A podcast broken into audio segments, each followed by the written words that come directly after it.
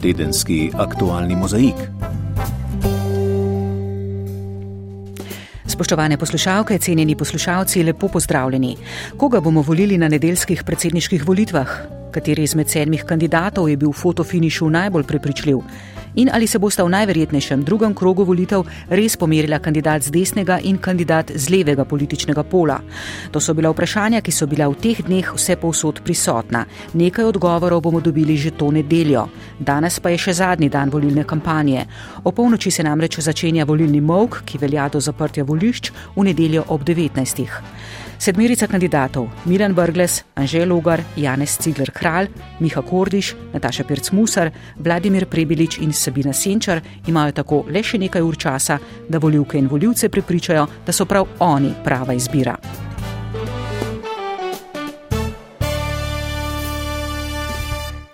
Še zadnje merjenje javnega mnenja pa so opravili tudi na družbi Valikon.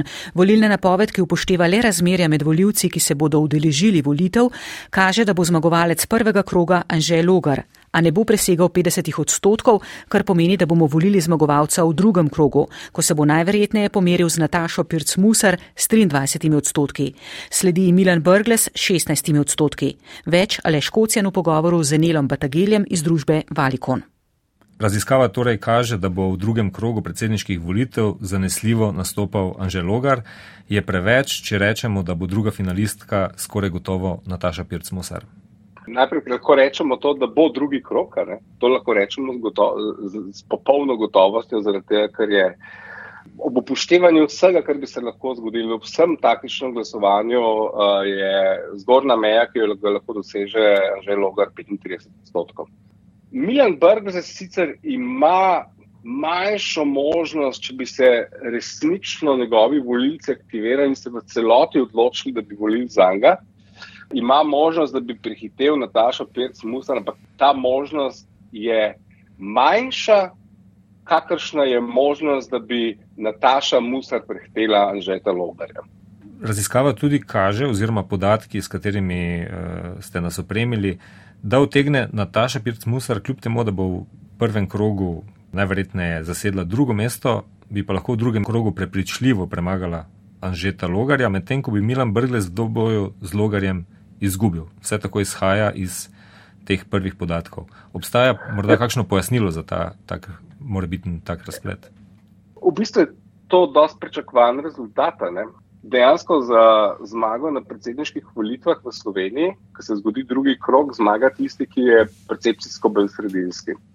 In med temi tremi kandidati je percepcijsko najbolj sredinska zagotovo Nataša Pirc-Musar. Milan Brgles je še pred kratkim bil član SD, tako da tukaj, po moje, ni treba eh, kaj posebej dodatno razlagati. Ne? Zdaj, udeležba na predčasnem glasovanju je bila 4 odstotna, kar precej odstopa od glasovanj, predčasnega glasovanja pred petimi leti ali pred desetimi leti. Takrat je se eh, predčasnega glasovanja odložilo 1,65 oziroma 1,36 odstotka voljivcev. Pri državno-zborskih volitvah smo videli, da se je višja udeležba na predčasnem glasovanju odrazila tudi v višji udeležbi na volitvah v celoti. Lahko na podlagi teh podatkov tudi sklepamo, da bo deležba više oziroma kaj kažejo valikonovi podatki iz ankete. Sama raziskava kaže, sprav delež ljudi, ki odgovorijo, anketirancov, ki odgovarjajo, da, da bo šli zagotovo na volitve, ker je najboljši prediktor, eh, je nekje pod 60 odstotkov, kar je po mojem nekoliko precenjeno. Um, osebno mislim, da bo ta delež nekje okoli 50 odstotkov, so pa te um, rezultati predčasnih volitev zagotovo indikator, vendar moramo vedeti, ne, da, da se je vmes še kar, kar nekaj stvari zgodilo. Mi smo imeli korona, um, um, kar je zagotovo vplivalo tudi na to, kako mi volilci um, hodimo na volitve. Uh, ta varianta predčasnih volitev je bila zagotovo bolj v skladu z um, neko doktrino, s katero so nas um, dve leti um, nam razlagali, kako treba funkcionirati, čim manj stikov in podobno. Ta primerjava, koliko je bilo prečasnih zdaj, le, pa koliko je bilo prečasnih prej, verjetno nima ravno smisla. Zagotovo pa lahko pričakujemo, da bo letošnja udeležba nekoliko večja, kot je bila zadnjič. Zdaj, tukaj uh, bo verjetno zelo veliko vlogo odigralo to, um, kako se bo predstavljalo zdaj v teh zadnjih dneh funkcijo pred, pred naslednjim valom, pred naslednjim krogom, ko se bo uh, razložil funkcijo predsednika in kakšno pristojnost vse predsednik ima. Če se bo pokazalo, da je predsedniška funkcija ipak pomembna, ne, pa bolj pomembna, kot ljudje mislijo, potem bi utegnila ta volilna udeležba spet biti visoka. Gre pa za glavno vprašanje uh, tega, kako se bo zmotivirali pol leve volilce, ali bodo prišli dejansko na volitve ali ne.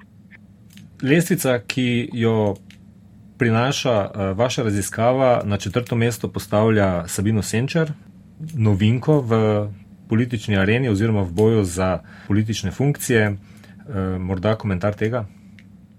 V bistvu je, mi imamo tri kandidate, ki so jasni, ki bojo zagotovo vsi prišli čez 10 odstotkov.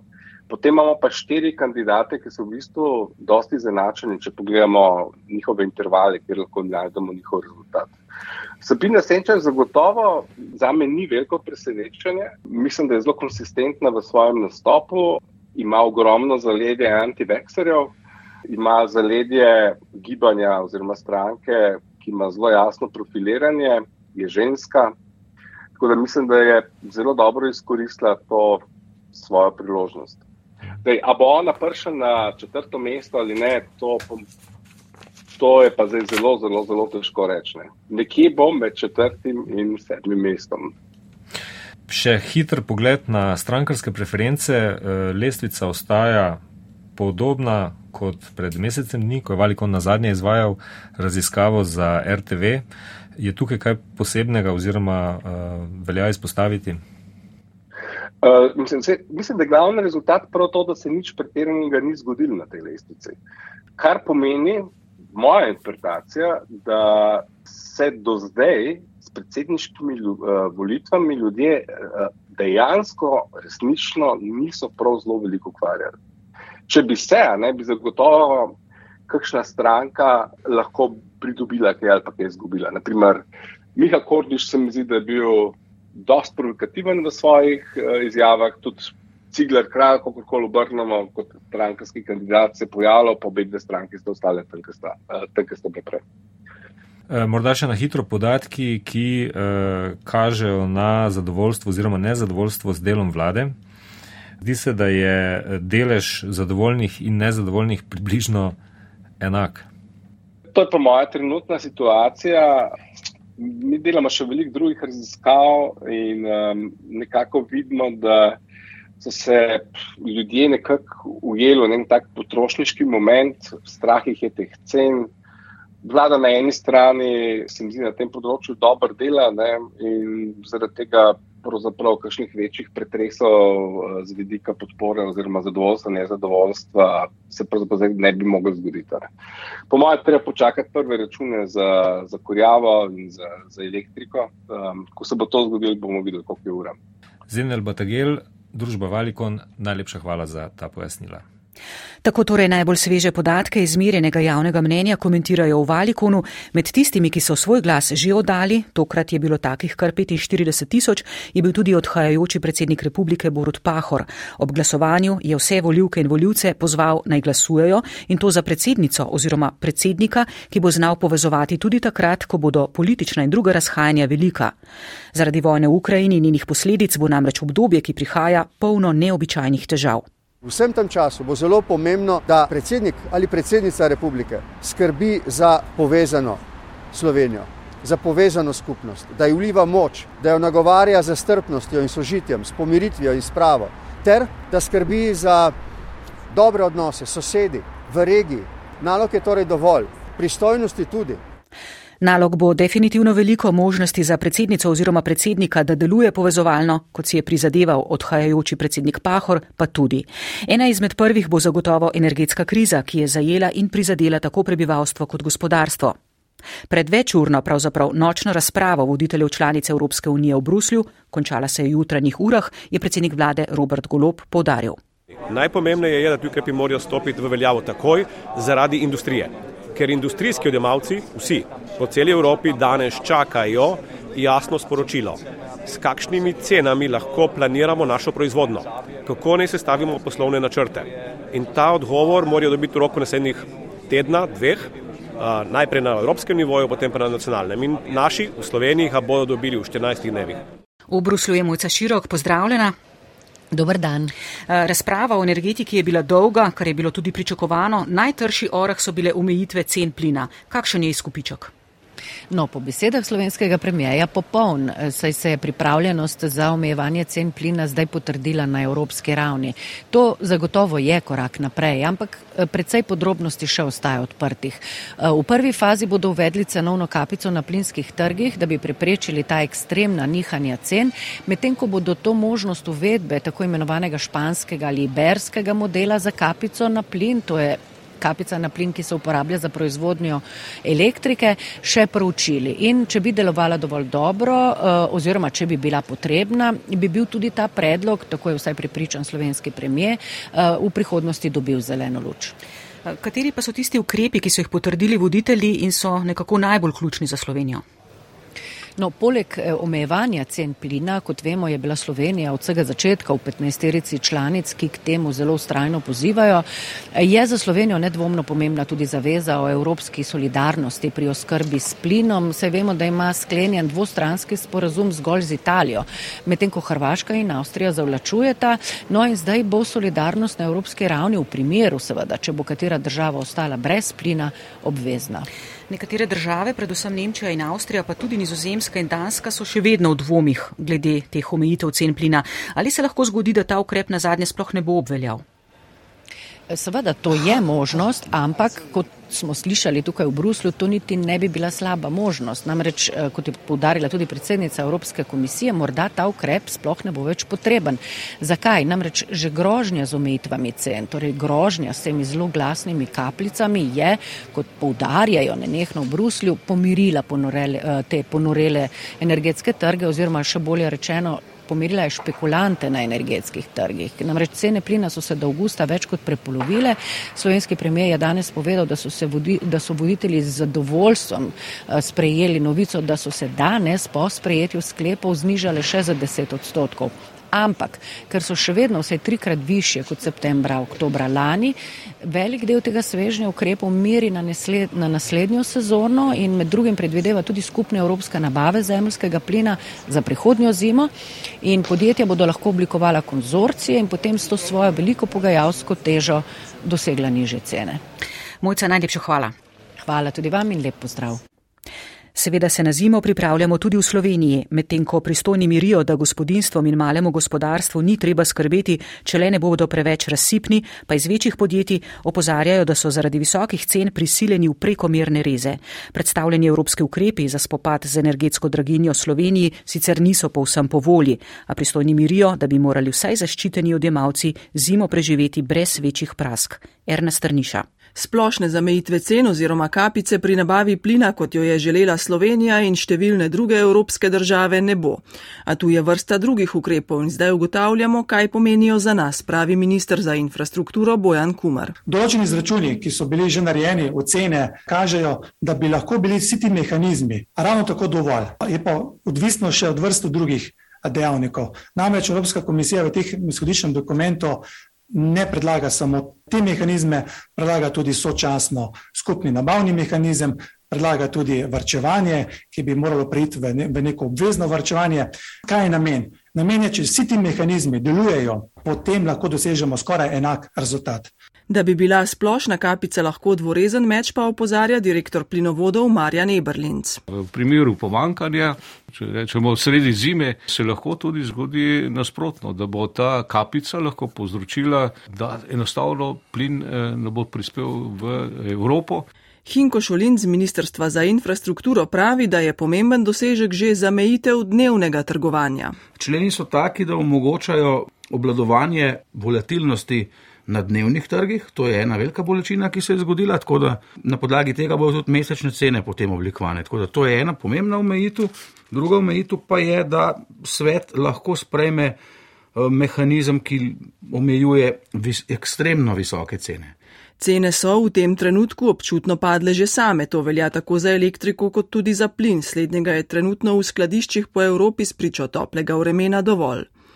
Tudi če Rusi popolnoma zaprejo pipico, bomo ob seveda bolečem 15-odstotnem zmanjšanju porabe preskrbljeni, pravi Eberlinc. V avgustu in septembru smo bili, glede prihrankov, že na dobri poti. K zanesljivosti oskrbe bo pripomogel tudi predviden podpis pogodbe za dobavo alžirskega plina, ki pa bo že zaradi cene odjemalce silil v kvarčevanju, pravi Šulinc. Pogodba alžirska, vkolikor bo podpisana, bi zagotavljala približno tretjino slovenske porabe, tako da z vedika količine bi podpirala zmanjšano rabo, po drugi strani pa alžirski plin, seveda ne poznamo detajlov te pogodbe, ki je komercialna pogodba ampak alžirski plin tradicionalno ni najcenejši plin v regiji. Omenjeno zmanjšanje porabe plina je šlo seveda predvsem na račun industrije, zlasti kovinske, kemijske, papirne. Enako velja za elektriko. Tibor Šimunka iz slovenske industrije jekla navaja, da so še pred kratkim za njo odšteli tudi desetkrat več kot pred krizo in pesimistično dodaja. Kapica je obvezan inštrument, ampak se bojim, da, da bo prišlo do tega, da sploh ne bo več pomemben zaradi tega, ker bo ekonomija toliko padla, da bo prešvanje tako nizko, da bo seveda energije kar naenkrat preveč. Del stroškov za nakup energentov slovenska velika podjetja sicer lahko dobijo povrnjenih v okviru 86 milijonske scheme, a kot pravijo, je to kaplja v morje. Še več ob tem morajo podpisati izjavo, da cen niso zvišali za več kot desetino, kar je po besedah Šimonke nemogoče. Ali torej prošen za pomoč ne bo prav veliko? Šimonka odgovarja, da jih bodo najbolj obupani verjetno poslali. Vendar eh, bo nek odgovoren direktor te izjave, po moje, je ne more podpisati. Tako da teh 86 milijonov, jaz mislim, da jih sploh ne bo uporabljen. Vlada medtem pripravlja nov interventni zakon, ki bo osnova za pomoč trgovcem z energijo, ki kupujejo po tržnih in prodajajo po reguliranih cenah. A kako ob reguliranih cenah k varčevanju spodbuditi gospodinstva? Ministrstvo za infrastrukturo v ta namen pripravlja kampanjo ozaveščanja. V nekaterih javnih stavbah je temperatura prostorov že zamejena, če ne bo šlo drugače, se lahko zameji tudi drugje, pravi Hinko Šolinc. Obvezno vrčevanje v nekaterih stavbah javne uprave je že obvezno z sklepi vlade. V ostalih stavbah imamo nastavke v interventnem zakonu, da bi to z vladno uredbo lahko določili obvezno vrčevanje v smislu znižanja temperatur v prostorih v času ogrevalne sezone, zvišanja temperatur v času hladilne sezone, zmanjšanja razsvetljave tam, ker ni potrebno in tako naprej.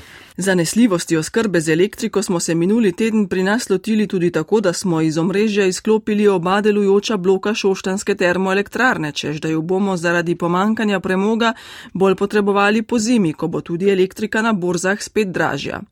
Kako prav so imeli tisti, ki so med izgradnjo prevelikega šestega bloka opozarjali na manjko premoga, se je torej pokazalo ob najbolj neugodnem času. A kakorkoli, če bomo porabo elektrike v prihajajočih mesecih zmanjšali za vsaj 10 odstotkov, večjih težav po zagotovilih pristojnih ne bi smelo biti. Če ne bomo tako uspešni, pa načeloma ne bodo takoj na vrsti redukcije, ampak omejevanje porabe. Nadaljujemo doma. V javnem sektorju je ta teden pošteno zavrelo. Če je še minuli teden o podpisu dogovora o višjih plačah in za obljubi po čim prejšnjem začetku iskanja sistemskih sprememb kazalo, da je po več letih prizadevanj vendarle možen dogovor o posodobitvi javnega plačnega sistema, pa je podpis vlade zdravniki javnega sektorja, kot opozarjajo preostali sindikati, porušil vzpostavljeno zaupanje. Še več, po njihovem mnenju dogovor s Fidesom pomeni dokončni razpad javnega plačnega sistema, kar pa vlada sicer kategorično zanika. Podrobno je Snežana Iljaš. V manj kot 24 urah smo bili priče dvema ekstremoma. Najprej zgodovinskemu dogovoru z zdravniki, s katerim je vlada najmanj do aprila prihodnje leto preložila stavko zdravnikov in zobozdravnikov. Smo danes sklenili en uh, zgodovinski sporazum, ki pravzaprav pomeni začetek prepotrebnih in nujnih sprememb v zdravstvenem sistemu. In mislim, da je to v bistvu res preboj, prvi korak k celoviti rešitvi eh, javnega zdravstvenega sistema. Mi smo prepričani, da moramo stebr v zdravstvu tvoriti z vsemi deležniki v zdravstvu. Seveda, vkolikor bomo deležni različnih, podobno kot do sedaj, recimo temu osporavanj se strani interesnih skupin oziroma sindikatov, pa smo pripravili varovalko, da pač te eh, zadeve eh, speljamo sami, eh, se pravi zdravnice in zdravniki skupaj z ministrstvom. Na to pa izbruh. Enostranski dogovor z zdravniki, katerega vsebina je bila vse do samega podpisa popolna skrivnost, je povsem razburil preostale sindikate. Še preden se je posušilo črnilo na dogovoru sklenjenem prejšnji četrtek o iskanju skupnih sistemskih rešitvah, ga je vlada s prejudiciranjem ene rešitve, to je v obliki stebrov, že prekršila, je bil oster vodja pogajalske skupine reprezentativnih sindikatov Jako Počivalšek, ki meni, da ne gre za nič drugega kot za izstop zdravnikov oziroma za razpad javnega plačnega sistema. No, tega pravzaprav ni mogoče razumeti drugače. Ne? Če govorimo o ločenih stebrih, potem seveda to ne moramo več govoriti o enotnem sistemu. Ministrica za javno upravo Sanja Janovič-Hovnik očitke kategorično zavrača. Zdravniki zagotovo ostajajo del javnega sistema, varovalka, da bo vlada omogočila ločeno urejanje specifik za zdravnike, tudi glede plače, če bi druge poklicne skupine temu nasprotovale, vidi kot varovalko zapisano na željo zdravnikov, ki pa po njenem ne bo sprožena, ker je cilj vlade doseči dogovor z vsemi. Sicer pa stebre, kot je zdravstveni, ki bo kot pravi upošteval specifike dejavnosti na zadovoljiv način, česar zdaj ni, vidi kot smer, v katero želi vlada razviti plačni sistem. Poleg tega imamo stebre že danes, zatrjuje ministrica. Danes jim ne rečemo stebri, rečemo jim plačne skupine in teh stebrov plačnih skupin imamo danes 11. Koliko bo na koncu teh stebrov, je stvar debate, dogovora, družbenega dogovora med sindikati in med vlado, ker dejansko danes ugotavljamo, da primerjamo na, na nek način tudi neprimerljive stvari, recimo medicinsko sestro s policistom. In zato je potrebno zadevo pogledati ponovno, ovrednotiti in znotraj posamezne dejavnosti postaviti tudi ustrezna razmerja. Sindikati vidijo drugačne možne rešitve kot stebre, ki so zdaj že nakazani in prejudicirani, pravi počivalšek. Branimir Štrukelj, predsednik konfederacije sindikatov javnega sektorja, pa načrto stebrih razume kot vračanje na začetek, v stanje pred 15 leti.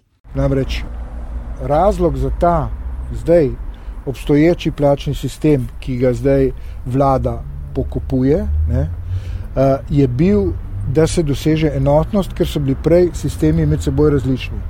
Ta predlog uh, predpostavlja prav to, da bomo imeli različne plačne sisteme, kot smo jih imeli pred to zadnjo reformo, in vlada je z tem dogovorom v resnici enostransko obsodila ta plačni sistem na, uh, na konec.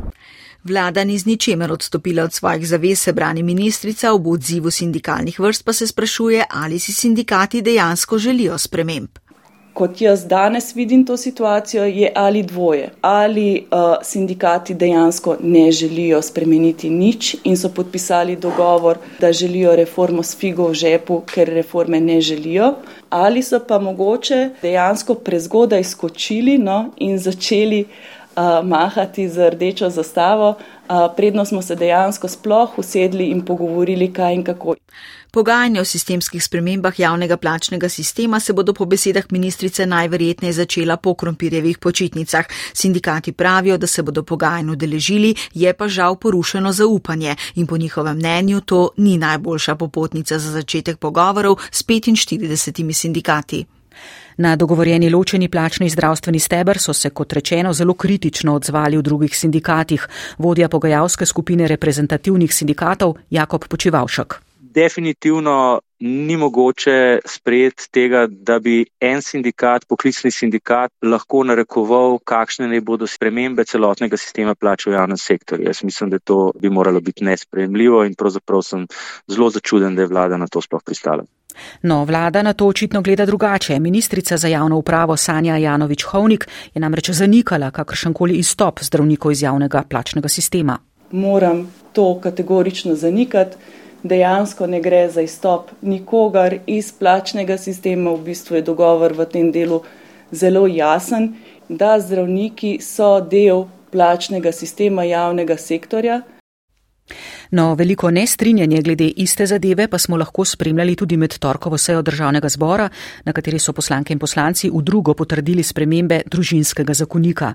Ta določa, da je zakonska zveza skupnost dveh oseb, istospolnim partnerjem pa omogoča posvojitev otroka. Aleksandar Iberšek NSI in državni sekretar Simon Maljevec. Nobena še tako dobra mama ne more nadomestiti očeta in noben še tako dober oče ne more nadomestiti uh, mame. Mož in žena ostajata mož in žena, mama in oče, pa mama in oče. S predlogom prav nihče ničesar ne izgublja, lahko pa nekateri zelo veliko pridobijo. In še strokovno mnenje centrov za socialno delo. Postopki za posvojitev otroka so v Sloveniji zelo zahtevni. Nič kaj zahtevno, vsaj na zunaj ne, pa ni delovalo kadrovanje v državnih podjetjih v tem tednu. Položaj prvega na tešu je tako Matjaš Vodušek prepustil Viktorju Vračarju, ki prihaja iz HSE. Neuradno pa naj bi na holdingu Gen Energije v kratkem odstavljenega Blaža Košoroka nasledil Dajan Paravan. Ta ne prihaja v daleč, če bo imenovan, se bo preselil iz Gen IA. Tedenski aktualni mozaik. Tako zdaj pa spet v tujino, medtem ko Rusija uničuje ukrajinske vitalne energetske objekte z infrastrukturo, ukrajinska vojska kopiči svoje enote na jugu, na območju regije Herson. Ruske zasedbene oblasti na tem območju umikajo od 50 do 60 tisoč civilistov na levi breg reke Dnepr, medtem pa je ruski predsednik Putin na območju štirih anektiranih regijah razglasil stanje vojnih razmer. V mestih po celotni Ukrajini so v torek začeli veljati ukrepi za zmanjšanje porabe elektrike, ruski raketni napadi pa so po besedah predsednika Zelenskega električno omrežje spremenili v bojišče, kar je spodbudilo nov val beguncev, ki bežijo v druge dele Evrope. Miha Lamprecht. Ruski agresori so 10. oktobra spremenili taktiko vojskovanja in so z množičnimi raketnimi napadi in z brezpilotnimi letalniki zasuli številna ukrajinska mesta, uštevši tudi tista na skrajnem zahodu države. Te dni so močno poškodovali ukrajinsko energetsko omrežje, kar je priznal tudi predsednik Zelenski, ko je dejal, da je uničena tretjina zmogljivosti. Ob vojaškem terorju je ukrajinski narod zdaj tudi pod močnim psihološkim pritiskom pred bližajočo se zimo. Hkrati pa Rusija v tej vojni uresničuje energetski teror.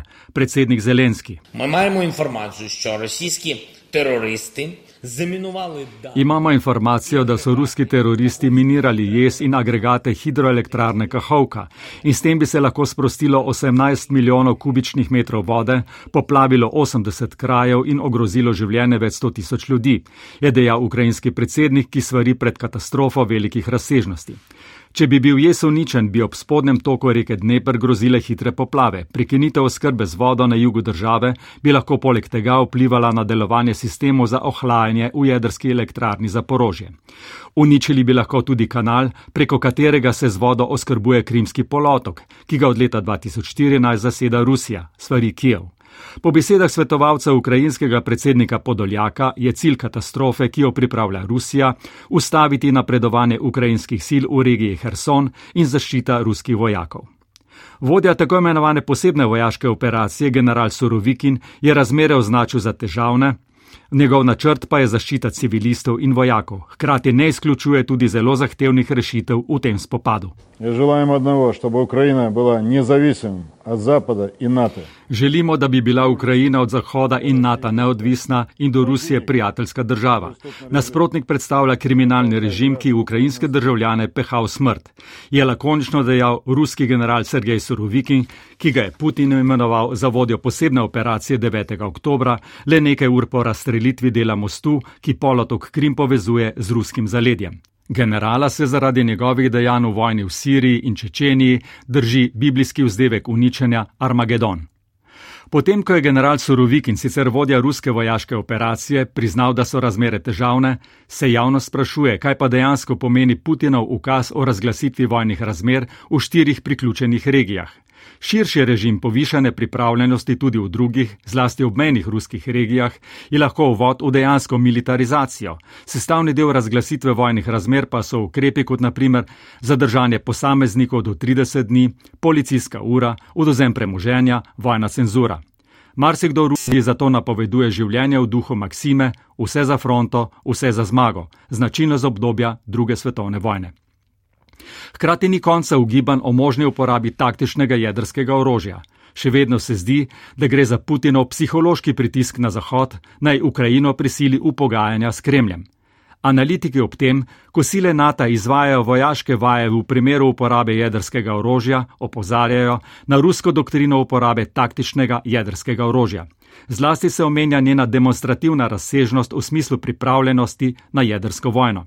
Šlo naj bi za uporabo bojnih konic moči od 1 do 5 kiloton, na redko naseljenih območjih ali na pomembno infrastrukturo ali na koncentracijo vojaštva s ciljem doseganja operativno-taktične prednosti.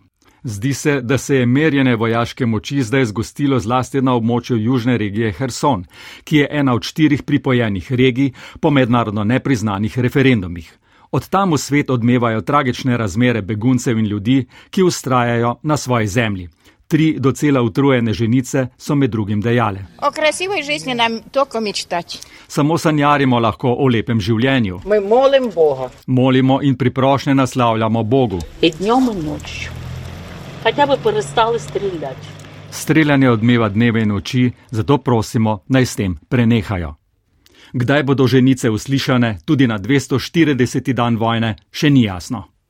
Medtem ko vojna v Ukrajini, kot smo slišali, divja že 240. dan zapored, je britanska predsednica vlade Liz Truss na položaju ustrajala zgolj pičlih 45 dni.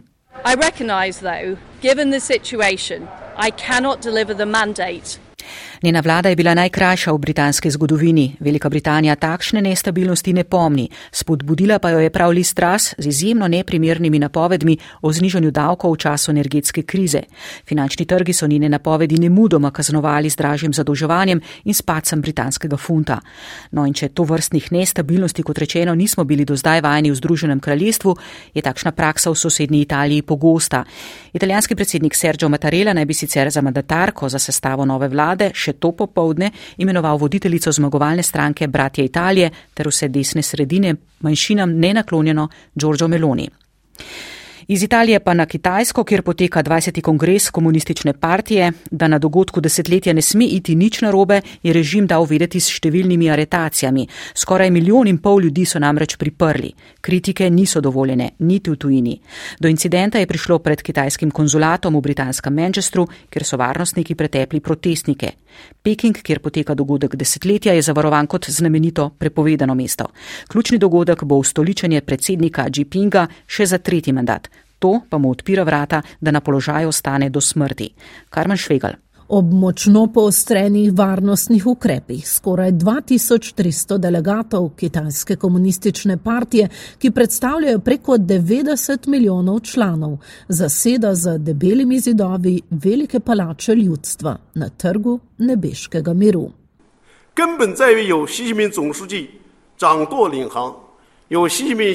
Za vse dosežke je zaslužen naš generalni sekretar Xi Jinping, ki je na čelu države in nas vodi po poti do pravega socializma s kitajskim obrazom.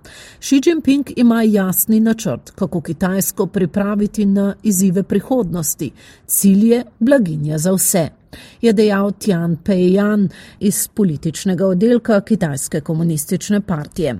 Na zgodovinskem kongresu, kjer se bo Xi Jinping dejansko ustoličil na dosmrtnem prestolu, ne sme iti nič narobe. Zato so oblasti priprle skoraj milijon in pol ljudi, ki naj bi ogrožali varnost. Napovedane so velike spremembe in premiki znotraj sistema. Po principu vse je treba spremeniti, da bo vse ostalo isto predvsem na vrhu, kjer je prostor samo še za enega. In kdo je Xi Jinping? Sim velikega partica, revolucionarja, ki je bil zraven, ko so ustanavljali komunistično partijo, a je še pred kulturno revolucijo padel v nemilost Mao. Mladi Ši je bil prav tako kaznovan, poslan na preuzgojo na revni severovzhod države, a se mu komunistična partija ni zamerila. Po večjih poskusih se je vendarle uspel učlaniti in povspeti na vrh Olimpa. 展示了 Komunistična partija bo kitajsko ljudstvo vseh etničnih skupin vodila do pomembnega cilja, ki ga bo resničila v naslednjem petletnem obdobju in Kitajsko povzdignila v moderno socialistično državo. Obljublja kitajski voditelj Xi Jinping in obenem svari. 香港局势动荡变化。 Zavedati se moramo nevarnosti, prilagoditi in pripraviti se moramo na boj z močnimi vetrovi, nemirnimi vodami in celo nevihtami. Tako predsednik je Kitajcem obljubil sanje. Zdaj svari pred nevihtami, Njegov naslednji mandat bo gotovo turbulenten. Ob nižji gospodarski rasti, visoki brezposelnosti narašča tudi nezadovoljstvo. Kitajci so pričakovali, da bo predsednik kongres izkoristil za rahljanje ukrepov, napoved po-covidnega časa, da se bo dalil od tako imenovane politike ničelne tolerance, a tega ni storil. Branil je svojo odločitev in dejal, da je tako postavil življenja Kitajcev pred vse drugo. Ši se odmika od tržnega gospodarstva in govori o blaginji za vse. Boj je usmerjen proti razrednemu sovražniku. 反腐败就是最彻底的自我革命。 Iz poročila 20. kongresa komunistične partije je jasno, da smo se lotili nikoli prej videnega boja proti korupciji, tako bili deležni velikega uspeha in bomo s tem seveda nadaljevali. Razlaga Shao Pei, namestnik sekretarja za disciplinske postopke v kitajski komunistični partiji. Kitajski predsednik se je lotil boja proti korupciji znotraj partijskih vrst, a ga tudi izkoristil za čistko, odstranitev vseh svojih konkurentov in nasprotnikov, krepi tudi nacionalistično retoriko in rožlja z orožjem. 和外部势力干涉台湾事务的严重挑衅。 Kolesje zgodovine se vrti proti nacionalni združitvi, popolni združitvi domovine. To je mogoče doseči in to moramo doseči. Je odločen Ši, ki je že večkrat obljubil priključitev Tajvana. Ustraja, da se Kitajska morebitni uporabi sile ne bo nikoli odpovedala. Napad Kitajske na Tajvan bi v vojno pahnil tudi Združene države Amerike, Japonsko in vsaj posredno velik del sveta. Posledice bi v primerjavi z vojno v Ukrajini bile neprimerljivo večje. Tedenski aktualni mozaik. In še k kulturi. V Frankfurtu poteka največji knjižno-založniški sejem na svetu, na katerem se predstavlja 4000 razstavljavcev iz 95 držav. Fokus letošnjega sejma je na prevajanju, časna gostja pa država Španija s sloganom Iskriva ustvarjalnost. Včeraj se je na tiskovni konferenci udeležencem kot častna gostja prihodnega leta predstavila Slovenija s sloganom Satovje besed. Ministrica za kulturo Asta Vrečko je ob tem povdarila, da se želi Slovenija na sejmu predstaviti kot odprta, sodobna družba. Iz Frankfurta Polona Fjauš.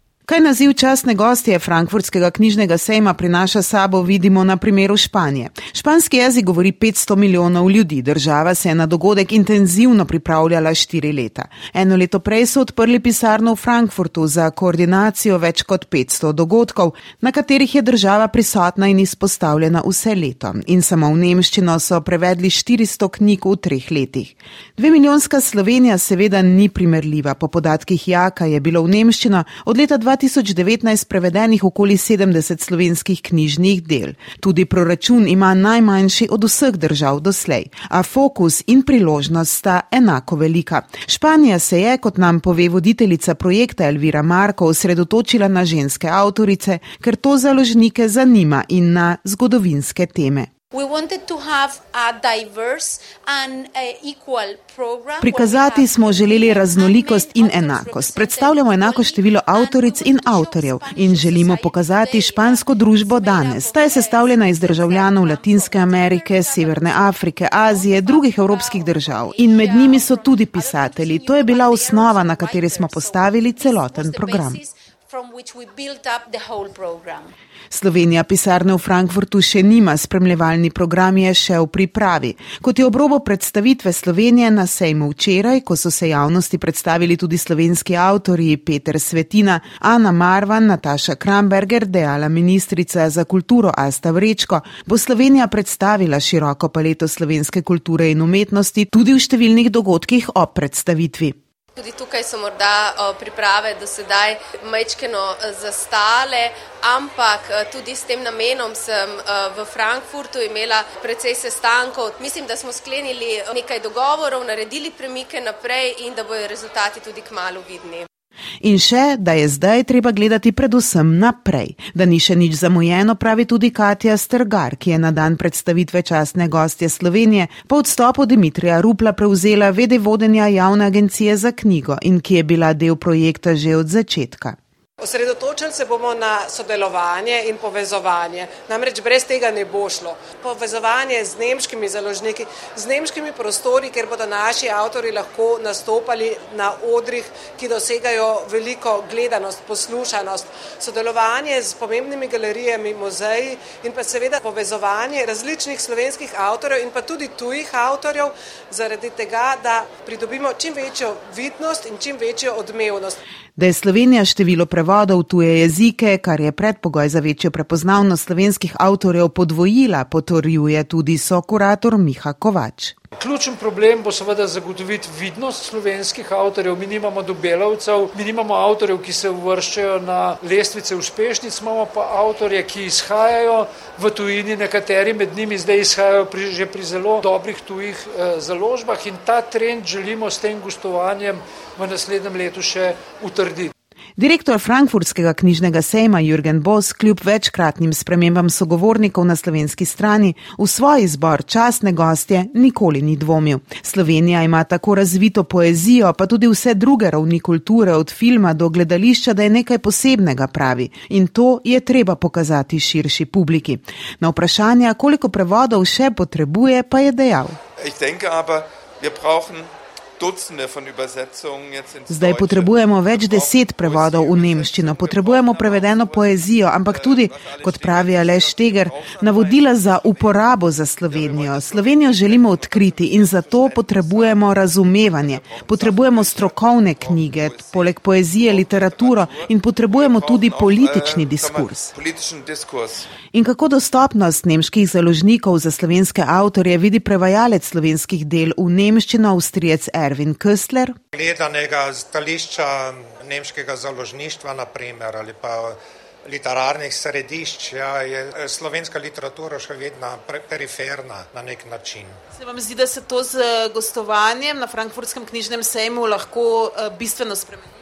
Ja, mislim, da se literatura pomakne v, v, v središče, ne, v samo središče bi rekel. Časa je malo, enake priložnosti v Frankfurtu za Slovenijo ne bo še desetletja.